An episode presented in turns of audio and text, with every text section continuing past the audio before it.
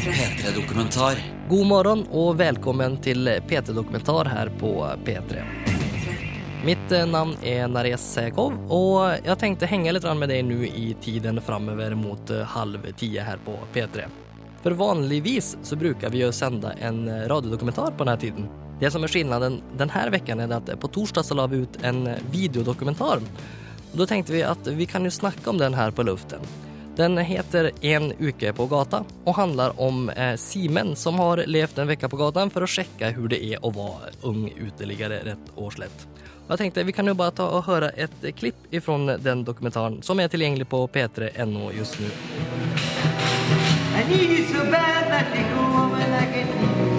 Jeg er veldig forsiktig med å sove ute eller hvor du sover, da, for at eh, her, særlig i strøket her, i hele strøket, Vika og Nasjonalteatret og Slottsparken, det blir folk de raner folk hele tida. Så, så hvis du skal sove ute, så dra mot Grünerløkka, den veien der den ikke er rumener. Og eh, også bak kirken. Altså bak den kirken som ligger eh, ved Deichmanske. For uh, første gang så kjenner jeg litt på frykten. Jeg syns det er litt skummelt å ligge her. Narkomane som går rundt. Ikke at de nødvendigvis er farlige, men de kan finne på å ta kameraet mitt. Jeg føler meg liksom ikke trygg. Jeg tør ikke å skru på lyset for å, i frykt for å bli sett av vaktene. Hei. Hei. Hei. På Um, I don't know. Maybe. I don't think I'm going to sleep here anyway. But batok botox run two three. I don't understand everything what are you're saying, but Zmniejszali dawki, dawki, dawki. One dawka 2 ml. Ah, I'm not using. 2 ml na przykład tam am- amfetamin i heroin. yeah, here. Okay, I'm not using, so Ja się tu uzależnił, tu, w tym miejscu. Tu mam sleeping i tu mam się uzależnił. okay, then I should go. Ja, det var altså ett eh, kort eh, litet klipp ifrån videodokumentären eh, En uke på gata som er fikset av deg, Simen Øvereng. Velkommen til studio. Yes, tusen takk. Du, jeg må jo bare få fråga, ettersom eftersom det her er en halvtimmes eh, videodagbok som du har filmet mens du var en uke på gata.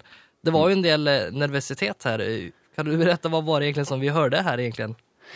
Um, for det første så var det veldig vanskelig å finne steder å sove. Ehm, Men så snakket jeg litt med ulike uteliggere, og de ga meg forskjellige tips, da. Eh, Og han ene da tipset om å sove bak det Deichmanske bibliotek. Så jeg gjorde det, men det jeg ikke visste var at det her var det faste stedet for eh, flere andre narkomane å enten sette sprøyta eller å, å sove, da. Ehm, Og i tillegg så var det masse vektere som gikk rundt fordi det er ganske høysikkerhetsområde, så det var ikke så veldig kult å prøve å sove der. Mm. Men, men var du nervøs? Det lät lite Ja. som du var väldigt så her eh, på eh, klippen när du snakka med med det noen polakker, polska folk. Ja. Eh, Det var også første gang jeg virkelig følte på det at jeg faktisk var litt redd. Jeg hadde ikke trodd at jeg skulle være så redd, men, men det når man er så mye alene og, og man sitter der i mørket og man vet at det er masse fremmede folk rundt deg som også prøver å finne et sted å sove, så, det litt, så begynner hodet å liksom tulle litt, og, og man blir plutselig mer lettskremt. da, Man, eh, man blir eh, redd for alt. Så da når han eh, polske narkomanen kom bort, så Han hadde jo selvsagt ikke noen vonde hensikter, men, men da ble jeg litt redd, så da, da gikk jeg. Mm. Altså, det her prosjektet, som da heter En uke på gata. eh, Det er en videodagbok som du filma når du var i Oslo en uke for å teste hvor det er å være uteligger utan noe mye ting og tang egentligen, utan uten annet enn så klart videoutstyr. Mm. Varför eh, gjorde du det? Kan du berette? Du er jo bare en vanlig fyr som går på, på Västerdals skole, liksom. Ja, det stemmer. Eh, altså det starta som et, et skoleprosjekt på, på Vestlands høgskole, hvor vi skulle lage en selvrefleksiv eh, dokumentar. Eh, og da tenkte jeg sånn Hva kan jeg lage for å lære noe om meg selv? Og, og da tenkte jeg etter hvert at hvis jeg da fjerner alle de godene jeg har fra før, alle de privilegiene, hva skjer da? Hva skjer om jeg fjerner leiligheten, familien, vennene, pengene, alt, og flytter ut på gata? Så det var da premisset, da. Mm. Hva, vad var det du hadde, da? Hva, hva fikk du lov å ha under den veckan? Um, jeg fikk jo egentlig ikke lov til å ha noen goder, bortsett fra en varm jakke og en Jeg hadde med meg en ekstra bokser og en ekstra bukse og en ekstra genser. Men jeg hadde ikke sovepose eller madrass eller noe liggeunderlag. Så, så det ble til at jeg sov på sånne gratisaviser og, og lignende. Ja, men hva med, med, med penger eller mobil eller altså det som er bortenfor kamera og altså det som du hadde for å liksom ta opp eh, denne dokumentaren? Ja, eh, jeg hadde bitte litt penger. Eh, jeg hadde startbudsjett, og det var all den panten vi hadde hjemme i leiligheten da jeg, da jeg dro ut. Og den ble vel på, på 80 kroner. Så, så jeg hadde, hadde litt penger å rutte med helt i starten, men jeg hadde ikke noe mobil eller noe sånt noe. Så, så jeg fikk ikke tatt kontakt med folk. Nei. Hva med mat og sånt da, når du bare hadde det og det skulle rekke en uke? Hvordan fiksa du det? uh, nei, altså det første jeg gjorde, var jo å kjøpe en kneip som kosta åtte kroner. Men uh, Det er jo begrensa hvor mett man kan bli på en sånn kneip. Så den første dagen gikk jeg bare rundt og spiste på den, men jeg, jeg fant ut at jeg må ha noe kjøtt, så da kjøpte jeg meg en, en pølsepakke for 23 kroner, som jeg syns var et eh, svært godt tilbud.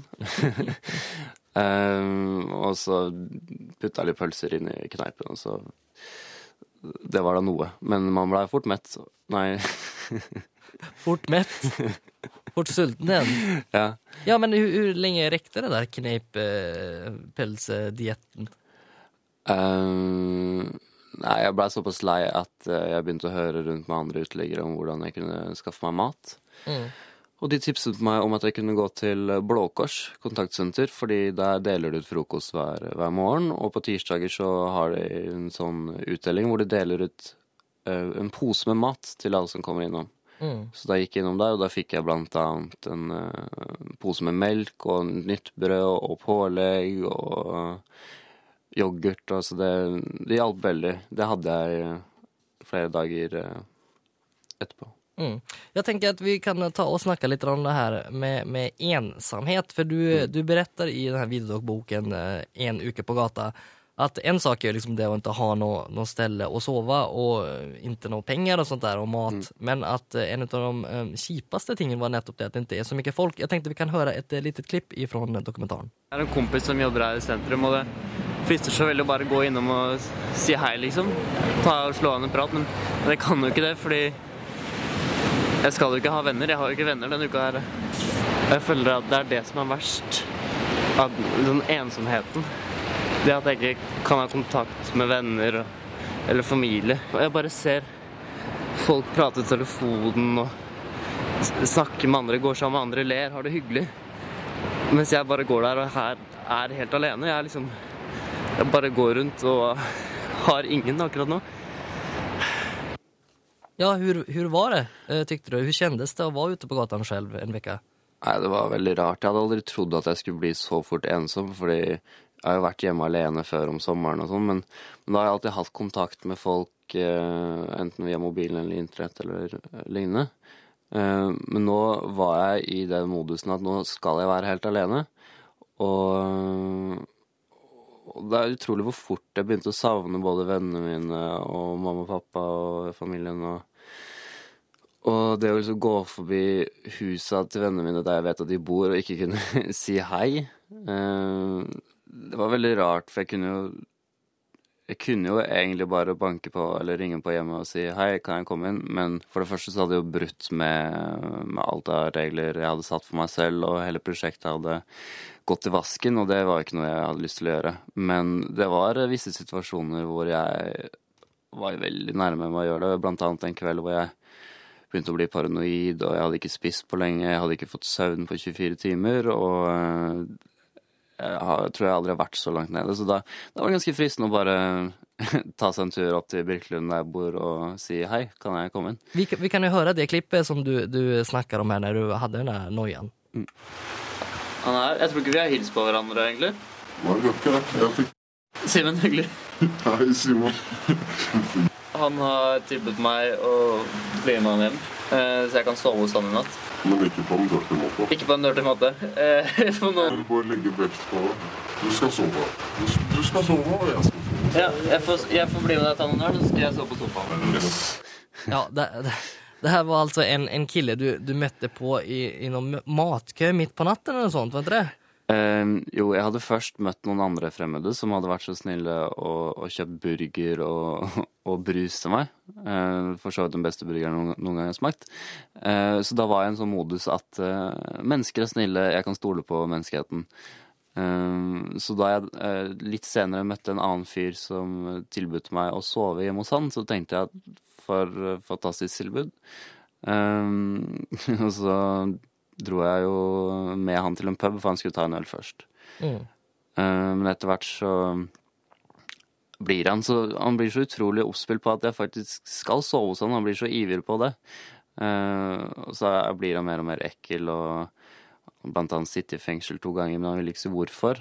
Eh, altså forskjellige bjeller som begynner å ringe inn i hodet mitt, da. Mm. Eh, så sier jeg sånn Beklager, jeg kan ikke sove hos deg likevel. Jeg tror, jeg tror det er best at du sover ute, for det er liksom sånn prosjektet skal være, da. Og da blir han sur og sier sånn Jeg trodde, jeg trodde du likte meg. Eh, vi kan ha det gøy på andre måter.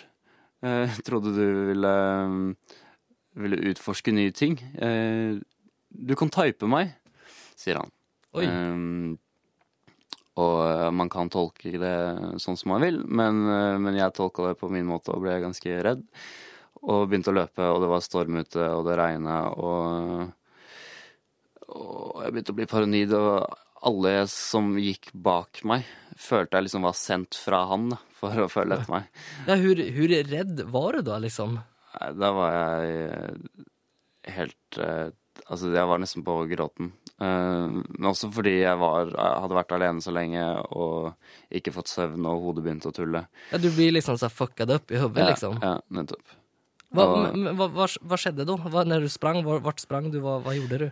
Da løp jeg til, eh, til Oslo S, og der hadde jeg egentlig lovt meg selv at jeg ikke skulle være, fordi der er det mange andre uteliggere og sånn som hadde sett litt ekkelt på meg da jeg hadde vært i matkøen tidligere. Men uansett, jeg løp dit, for der er det nattåpent. Og um, så satt jeg der, men det er ikke lov til å sove der. Så jeg måtte sitte der hele natta. Og jeg, jeg tror klokka var fire, halv fem da jeg kom dit. Og jeg var så sliten og trøtt, og jeg visste ikke hva jeg skulle gjøre. Og overfor meg så sitter det en mann med en stor trillekoffert. Um, og så ser han litt lurt på den trillekofferten. Så tenkte jeg eh, Inni der har han gjemt en bombe, og han har tenkt å sprenge hele Oslo S. Eh, og uansett hvor mye fornuften sa til meg at eh, Simen, det er ingen bombe i den kofferten, så var det fortsatt en eller annen ting bak i hodet mitt som sa jo, det er det. Så um, da hadde jeg enten valget om å løpe ut i full storm eller bli inne på Oslo S og håpe på at det ikke var en bombe. Um, så blei det til at jeg klarte liksom å overbevise meg selv om at det ikke var en bombe der. Uh, men uh, jeg gikk til et litt annet sted i, i bygget. da. Så det der var veldig slitsomt. Bare i, i løpet av en uke så klarer du liksom å få riktig noia. Ja. Hvilke Vilka ställen, for det blir jeg nyfiken på når du ser det med Oslo S og sove der man ikke får sove. Sånn. Vart, vart var du hengende? Vart, var- vart var du om dagene, og vart sov du om kveldene under denne här veckan egentligen? Um, dagene så gikk jeg veldig mye rundt og, og kjeda meg. Uh, hva gjør man på gata, liksom? Det er ikke noe å ta for seg. Um, så, så jeg brukte Jeg hadde 50 kroner igjen av, eh, av de pengene jeg hadde, så jeg brukte de på en bok som heter Life of Pi. Um, og lese en del i den, og det hjalp ganske mye på å få tiden til å gå. Da gikk jeg egentlig bare rundt i forskjellige parker og, og leste der. Eh, om kvelden var liksom da det var verst, for da måtte jeg finne et sted å sove. Mm. Um, det endte med at jeg eh, to netter sov utenfor uh, Uranienborg kirke, på trappa der.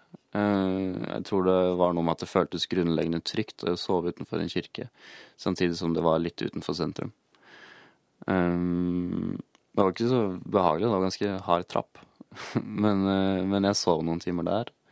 Eh, Så fant jeg et parkeringshus eh, den ene natta, eh, og klarte å gjemme meg for, for vekterne, faktisk. Så Ja, for det, det må man gjøre, for man blir utkasta om, om vekterne kommer og ser en, eller? Ja. Og um, Skjedde det? jeg prata først med en vekter tidligere på dagen, og da hadde vi en avtale at jeg kunne sitte der på dagen, men at jeg måtte ut på kvelden. Men så fant jeg et hjørne inni det ene parkeringshuset på Vulkan, hvor det var veldig fint å sitte, og det var litt sånn De drev og jobbet der, så det var mye, mye ting i veien for det hjørnet, så da tror jeg det ikke var så lett å se meg. Mm. Da, da sov jeg der uten at noen så meg, men det som var litt noia, var at i det parkeringshuset så var det en sånne bevegelsessensorer, så lyset skrudde seg jo av når det ikke var bevegelse der. Eh, og det var den ene natta hvor jeg bråvåkna fordi jeg hadde en drøm, og da gikk lyset seg på. Og 30, 30 sekunder etterpå så kommer det en vakt inn, eller bare hører at døra åpner seg. For da tenker jeg sånn fuck, de har sånn et eller annet eh, De kan registrere at det er bevegelser her, liksom. Og jeg hører bare han gå inni der, gå rundt i alle rommene. Jeg tenker fuck, nå ble jeg kasta ut. Um, men så finner han, han finner meg ikke. Så fikk jeg sove der eh, videre. Men det var også veldig sånn noia. Altså, det er ingenting farlig med en vekter. Det verste er at jeg hadde blitt kasta ut. Men det er så sykt hvor mye det betyr for deg å bare kunne sove i det parkeringshuset under tak eh, videre den natta. Ja, for søvn er jo utrolig viktig for Mm. alle folk. Men, eh, men, men var det Frøs du? Eller som du ikke hadde du hadde ikke noen sovepose? Nei. Nei. Uh, jeg hadde et lite tynt teppe, det var liksom det jeg hadde å ta av meg.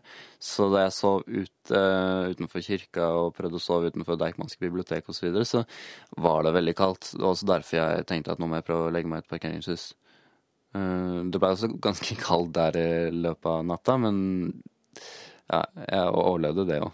Men det her, altså, den här videodagboken som heter En uke på gata, som Mm. fins på p3.no for folk som vil inn og sjekke det. uh, den spiller du inn i høst, uh, altså i hösten 2013. Ja, i oktober. Ja, så det var ikke sommer ute liksom. Nei, det begynte å bli ganske kaldt. Jeg tror det var uh, bikka mot minusgrader om natta. Men, men um, en annen sak som jeg har lyst til å snakke mer om er nettopp det i, i, i denne eh, videodagboken, denne här dokumentaren, så har du inga penger, som du har vært inne på og du måtte jo tigge. Jeg er litt nyfiken for å høre liksom um, hur det var, hvor det kjentes å mm. bli beglodd og, og be fremmede folk om penger. Og så har du et lag til nettopp med det at du egentlig ikke är fattig og uteligger, men låtsas som, som du er det. Jeg tenker vi kan høre et klipp ifrån eh, eh, det her med, med tiggingen. Jeg tenkte at jeg skulle prøve å tigge. Eh, Det er noe jeg egentlig gruer meg skikkelig til. Eh, Men i den anledning så har jeg skrevet eh, som papirplakat. Veldig usikker på om jeg skulle gjøre det, men eh, her er den. Både foran og eh, bak. Men det skal sies at det er ikke pga. pengene jeg gjør det her. Det er for å finne ut hvordan den følelsen er av å måtte sitte på gata og spørre om penger. Sånn som mange andre uteliggere må gjøre. Ja, hvor, eh, hur det? Eh, jeg tror det er den verste timen i hele mitt liv, tør jeg å påstå.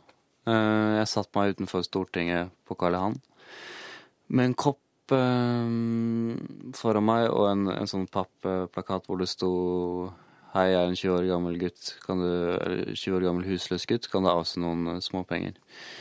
Eh, for det første så følte jeg at dette var en løgn, at jeg prøvde å lure alle som gikk forbi meg, fordi jeg er jo egentlig ikke husløs. Men jeg var jo det der og da, og der og da så var jeg helt blakk. Jeg trengte penger for å få mat. Um, men det var fortsatt den følelsen av at når det kom en dame bort til meg og ga meg 100 kroner i den koppen, så fikk jeg sånn utrolig skyldfølelse over at de 100 kronene de trenger jeg egentlig ikke, fordi den dama tror at jeg er en ordentlig husløs gutt. Så da sa jeg da til hun at um, vær så snill, ta tilbake de pengene. Eh, for hun spurte sånn hvorfor er du husløs? Og da forklarte jeg, fortalte om, om prosjektet, og så ble vi enige om at hun skulle ta tilbake pengene. Da. Men hun syntes det var veldig bra at jeg prøvde, prøvde å bo ute, men hun skjønte da at jeg at kanskje andre som trengte de pengene mer. Um, så kom det ved en annen anledning bort en gutt på min egen alder, og istedenfor å legge de pengene i koppen, så la han de i hånda mi, så meg dypt inn i øynene og sa her, vær så god, ha en fin dag videre. Uh, og jeg bare knuste helt, liksom. Eh, hvor, hvor fantastiske noen mennesker er, er liksom eh, Eller jeg ble overraska over hvor fantastiske mennesker kan være. Eh, Men også igjen da den litt den skyldfølelsen. Men også alle de blikkene man får når man sitter der på gata og bare eksponerer seg selv for hele, hele verden, er, er noe jeg aldri kommer til å glemme. Det er liksom alle de stikkende blikkene. Ja, hur, hur var det folk liksom kika på det om du skal prøve å tolke det eller sa eller liksom undvek det for den del? For det er jo typisk Ja, no, ikke no, taktik som folk gjør. Mm. Jeg ser ofte at de, de ser på meg Eller så at de så på meg litt nede i gata, og så så de vekk idet de går forbi, og så snur de seg igjen etterpå. Um, og veldig mange blikk som er sånn Hvem er han? Jøss, så ung.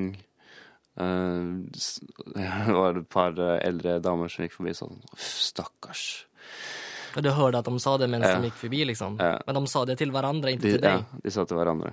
Hvor mange eh, vill du si var det som stoppa opp og gav deg noe penger, eller sa någonting til, tog kontakt av de som gikk forbi, om du skal prøve Mm. anslå liksom? Det var bare et par stykker som stoppa opp for å prate med meg.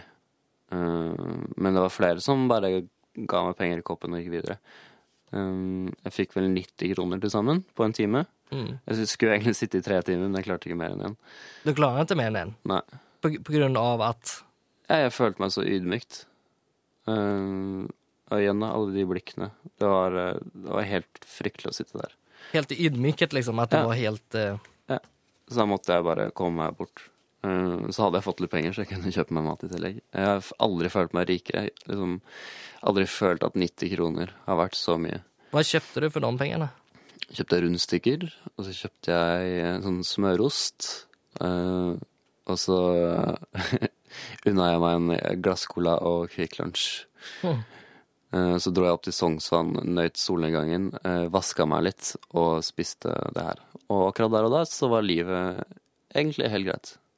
Det var jettebra just der og da, liksom. Ja, Akkurat der og da. Men någonting annet som du fikk i løpet av denne vekken veckan var jo eh, ja hva skal man si? du kjente det på kroppen. En sak at det var kaldt, og sånt, at du var redd, og sånt, men du fikk jo noe no, no fysiske utslag på kroppen. Vi kan høre et lite klipp her for å høre når du forklarer det. Jeg har ikke bæsja på tre, tre dager. Eh, jeg har vært på do og skifta klær, og det jeg driver og skifter, så oppdager jeg at jeg har utslett over nesten hele kroppen. Eh, Jeg vet ikke om det er fordi jeg har på meg de samme klærne veldig mange dager på rad, eller om det er pga. at jeg har spist så å si den samme maten hele tiden.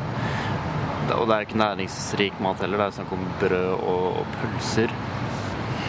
Eh, Eller så kan det rett og slett være pga. lopper, fordi jeg sitter under en del trær.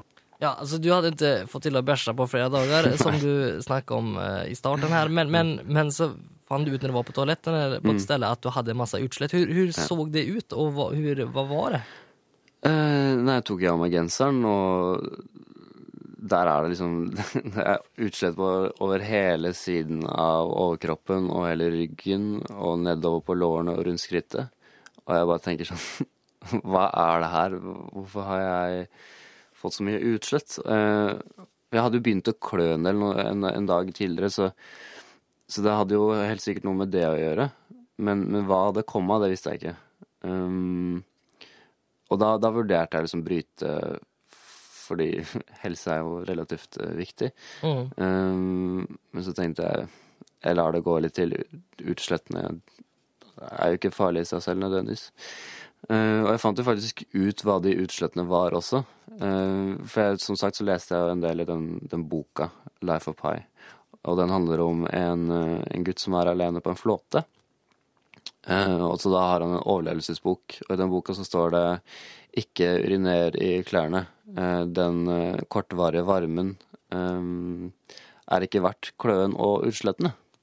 Og det var ikke det at jeg hadde tissa så mye på klærne mine, men, men jeg hadde jo svetta en del, sikkert. For jeg hadde jo sovet med klær, og jeg hadde ikke uh, bytta klær, så denne svetten har sikkert da blitt veldig innestengt og ikke fått luft, og sikkert ført til utslett, eh, fant jeg ut. Mm.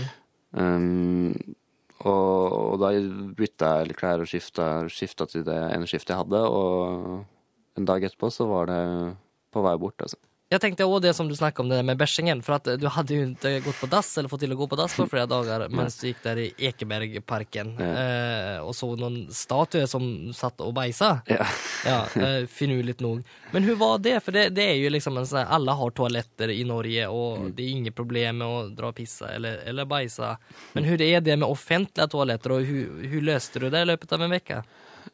Uh, nei, det var jo da tre dager siden jeg hadde bæsja som, som jeg da fant ut at det var en god idé, så da fant jeg en sånn do på Ekeberg. Um, det var jo greit nok, men, eh, men det å leve av offentlige toaletter nede i sentrum, det er ikke noe jeg kunne tenkt meg, for det var en situasjon hvor jeg skulle gå inn på den ene, ene doen, og på gulvet så var det oppkast, en um, ganske fersk menneskeruke, og i vasken så var det to brukte kondomer. Eh, Det var ikke det mest innbydende stedet å gå inn og, og gjøre fra seg, så det gjorde jeg heller ikke. Eh, Det er på filmen, så du kan se. Ja. Men, men hva, hva, hur gjorde du det da? Um, Det blei til at jeg gikk inn på type McDonald's og Og kjelleren i mathallen faktisk har ganske fine toaletter. Så Mm. Ja, men det er jo så der det er. Mm. Eh, en del folk som lyssnar på det här eller ser eh, videodokumentären som du har fixat vil du kunne säga det at det er veldig sånn naivistisk grei at en sånn ung fyr som har alle privilegier skal sånn ut på gata en uke for å teste hvordan det er å være uteliggere. Eh, og at det liksom ikke er på ordentlig ting og ingenting. Vad, hva, hva, tenker du om at du har testat det? Har, du noe mer? Folk som ikke har noe sted, som faktisk er uteliggere, eller som er narkomane, eller som er romfolk eller de som du faktisk møtte på som, som har det som sin vardag liksom? Mm. Jeg har fått en langt dypere forståelse av hvordan det er å ikke ha noe. Og hvordan det er å ikke ha en familie å gå til, eller venner, eller penger. Um, og jeg snakka jo med en tigger som sa at um, det verste han kunne gjøre, det var å sitte og tigge. For det var alle blikkene. Han ble aldri vant til det. Og jeg, jeg klarte ikke mer enn en time. Tenk da hvordan det er å måtte gjøre det her hver dag. Um, han opplever på en måte min verste time om igjen og om igjen.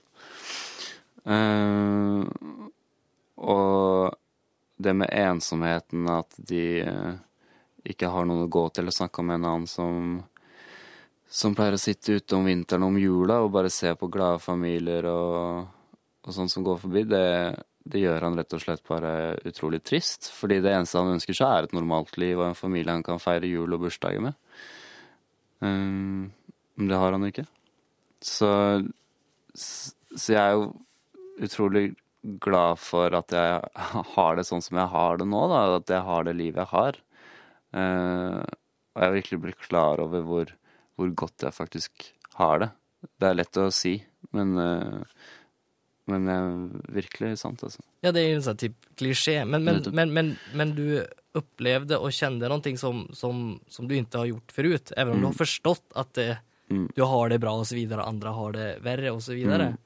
Ja, og så skjønner jeg hvorfor de begynner å ruse seg, blant annet. Ikke at jeg kunne gjort det, men, eller at jeg forsvarer det, men det er det at når du har det så ille som det de har det, eh, og ikke kan se frem til at det skal gå over eller bli ferdig, fordi, fordi jeg kunne jo hele tiden vite at om, om fire dager så er det over, da kommer jeg tilbake til vennene mine og familien, og jeg får alt tilbake. Mens de kan aldri gå gå og sånn, se frem til det. Da. De har ikke det håpet å leve etter. Og da skjønner jeg at de bruker rusen som en virkelighetsflukt for å, for å komme seg unna det helvetet de, de lever i. Eh, og alle de jeg har snakka med, sier at de ruser seg ikke lenger fordi de er avhengig av selve rusen, men av den virkelighetsflukten som, som rusen eh, følger med, da, holdt jeg på å si. Mm. Jeg, jeg, tenkte at eh, vi kan sluta med et litt kort klipp eh, videodokumentaren, Simen. Og så må jeg bare si tusen takk for at du kom i studio og berettet om det här. Tusen hjertelig takk for at jeg fikk eh, komme. Og som sagt, denne hele eh, videodokboken, eh, ligger ute på p3.no der man kan eh, både en del ekstra klipp eh, som ikke er med i dokumentaren, og tekster og reportasje som du har skrevet, Simen når du har vært tilbake til Blåkors Kors, som hjelper deg med mat og, og, og sånt og, og, intervju med andre uteliggare. Så kan vi avslutte med et lite klipp eh, som ja, beretter ganske mye hur det er, hvor det tar på kroppen eh, være vara ute en hel uke. Ja, altså det var et, et punkt hvor jeg bare klødde overalt. Og jeg ble nesten gal over hvor mye det klødde.